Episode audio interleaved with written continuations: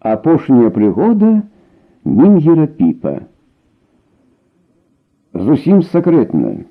Асістэнт прэзідэнту ў Тэнангу мінгеру Ван Дрону. Паводле атрыманых вестак у бантамскія пушчы накіраваліся здраднік і злачынца Ейс, механік з карабля Сардан, разам з другім злачынцам Салулам, якія з'яўляюцца галоўным віноўнікам захвату гэтага карабля.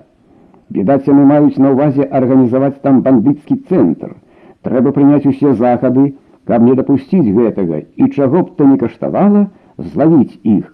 Зразумела, яны хаваюцца пад фальшывымі прозвішчамі, якія пакуль што намі не выяўлены, але ў кожным разе ейса можна пазнаць па наступных адзнаках.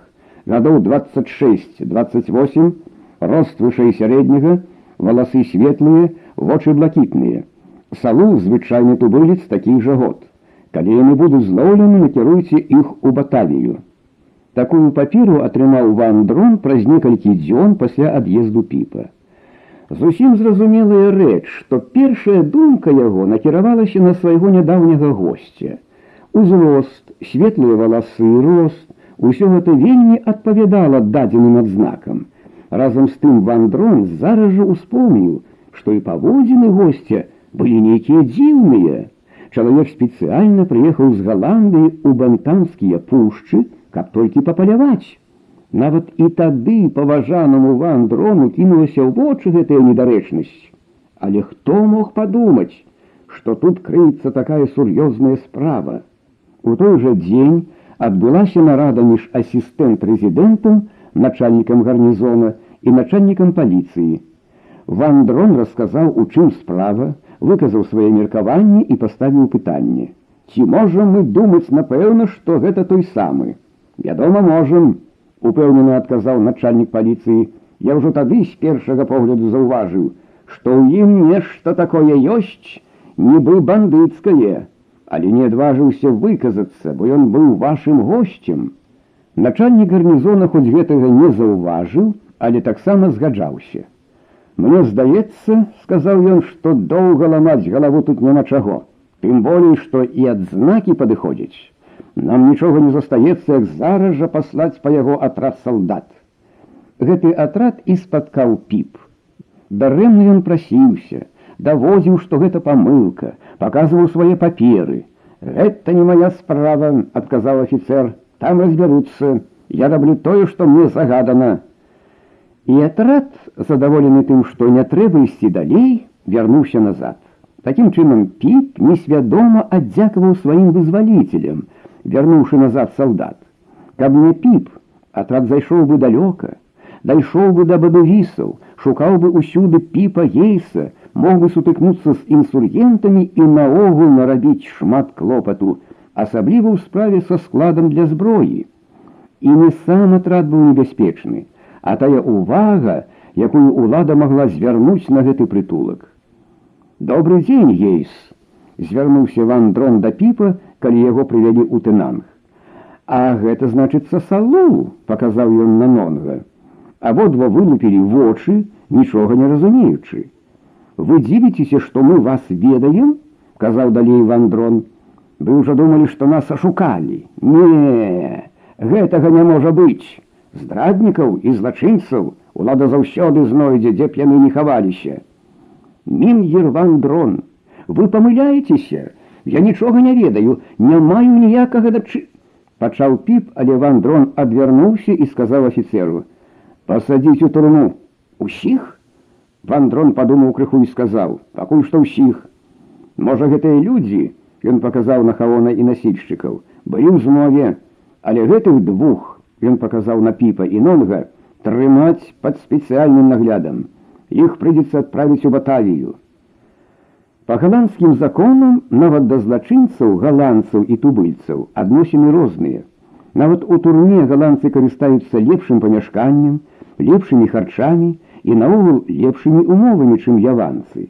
Таму піп і нонг былі пасаджаны ў розныя месцы, а ханом з таварышамі асобна ад іх. Дзеля таго, што злачынства ейса і салула мела агульнадзяржаўны характар і належала да разгляду вышэйшых устаноў, іх непасрэдна трэба было накіраваць у батавію. Але пакуль ішлі, як кажуць, суд ды справа, прайшло два тыдні, і тады толькі накіравалі іх у батавію. Там зноў пасядзелі тыдзень, пакуль іх выклікалі на допыт. Спачатку прывялі піпа. За сталом сядзеў следчы ў вайсковай форме, побач стаялі яшчэ два чалавекі, а збоку былі напалову адчыненыя дзверы ў суседні пакой. Станьце крыху далей, чамусьці сказаў следчы, калі піп падышоў бліжэй да стола. Ваше прозвішча. Піп, Ганс Піп, но сапраўднае ваше прозвішча якое. Вось ужо другі раз бачу я, што мяне прымаюць за кагосьці другога, энергічна адказаў піп. Няўжо ж нечую памылку я павінен столькі цярпець. У гэты момант дзверы суседняга пакоя адчыніліся шырэй, і адтуль выйшаў тубылец у добрым адзенні, малады, з вострымі рысамі твару і непрыемнымі бегаючымі вачыма. Пан палкоўнік, звярнуўся ён да следчага, гэта не ён, я яго зусім не ведаю. Прывядзіце тады другога, загадаў палкоўнік. Увайшоў нонг. Той чалавек на гэты раз зусім адкрыта паглядзеў на нонга і сказаў: « А гэты дык нават нічога агульнага не мае у параўнанні з тым гэта хлопчык. Прысутныя зірнулі адзін на аднаго, паціскалі плячыма, крыху парадзіліся, і тады следчы зрабіў прыемную міну і сказаў: « Выбачайце, Нінгер піп, мы памыліліся, як галандзец, вы зразумееце, што мы на гэта пайшлі дзеля нашай агульнай карысці. Выбачайце, калі ласка. Следчы ўстаў, падышоў да піпа і паціснуў яму руку. Зразумела вы вольны, можаш і ты сабе ісці, звярнуўся ён да нонга. Дазвольце пан палкоўнік адно пытанне, умяшаўся тубыліць сведка. Ці не сустракалі яны там каго-небудзь. Нонг адразу сцяміў, куды ідзе справа і з дурным выглядам затараторыў. Мы былі ў баду вісаў, такі дзіўны народ, сядзяць у пушчы, ні з кім не маюць зносін. Пачакай, пачакай, спыніў яго палкоўнік мы пытаемся, ці не бачылі вы там падобнага галандца? Звярнуўся ён ужо непасрэдна да піпа. У нонга закалацілася сэрца. Зараз піп несвядома выды свайго дабрадзея. Сустрэў аднаго чалавека, дай Бог яму здароўя, адказаў піп, каб не ён, дык не было б ужо мяне на свеце. Усе прысутныя насцярожыліся як сабакі. Як яго завуць? запытаўся палкоўнік. Праўду сказаць не ведаю добра, бо сустракаўся з ім два ці тры разы ў дарозе. На параходзе разам прыехалі, ды потым сустрэўся на ганку установы і нарэшце там, э, здаецца прозвішча накшталт ван Дэйк ці ван Декер, ведаю толькі, што ён прадстаўнік нейкай фірмы і па даручэнні яе шукае зямлю пад кававыя плантацыі. А як ён выглядае? Майго ўзросту і росту, чорныя валасы і чорная маленькая бародка. Палкоўнік пытліва паглядзеў на светку. Той паціскаў плячыма. У кожным разе гэта варта ўвагі. Ці не бачылі з ім яшчэ якіх-небудзь людзей, апрача тамашняга насельніцтва. Зноў запыталіся піпа. З ім было яшчэ чатыры чалавекі слух, якія складалі экспедыцыю па адшуканню зямлі. Ну, а ты што бачыў? звярнуўся тады следчы да нонга. Тое самае, бо заўсёды быў разам з туанам, адказаў нонг. Ну дык яшчэ раз выбачайце, сказаў палкоўнік і развітаўся з піпам.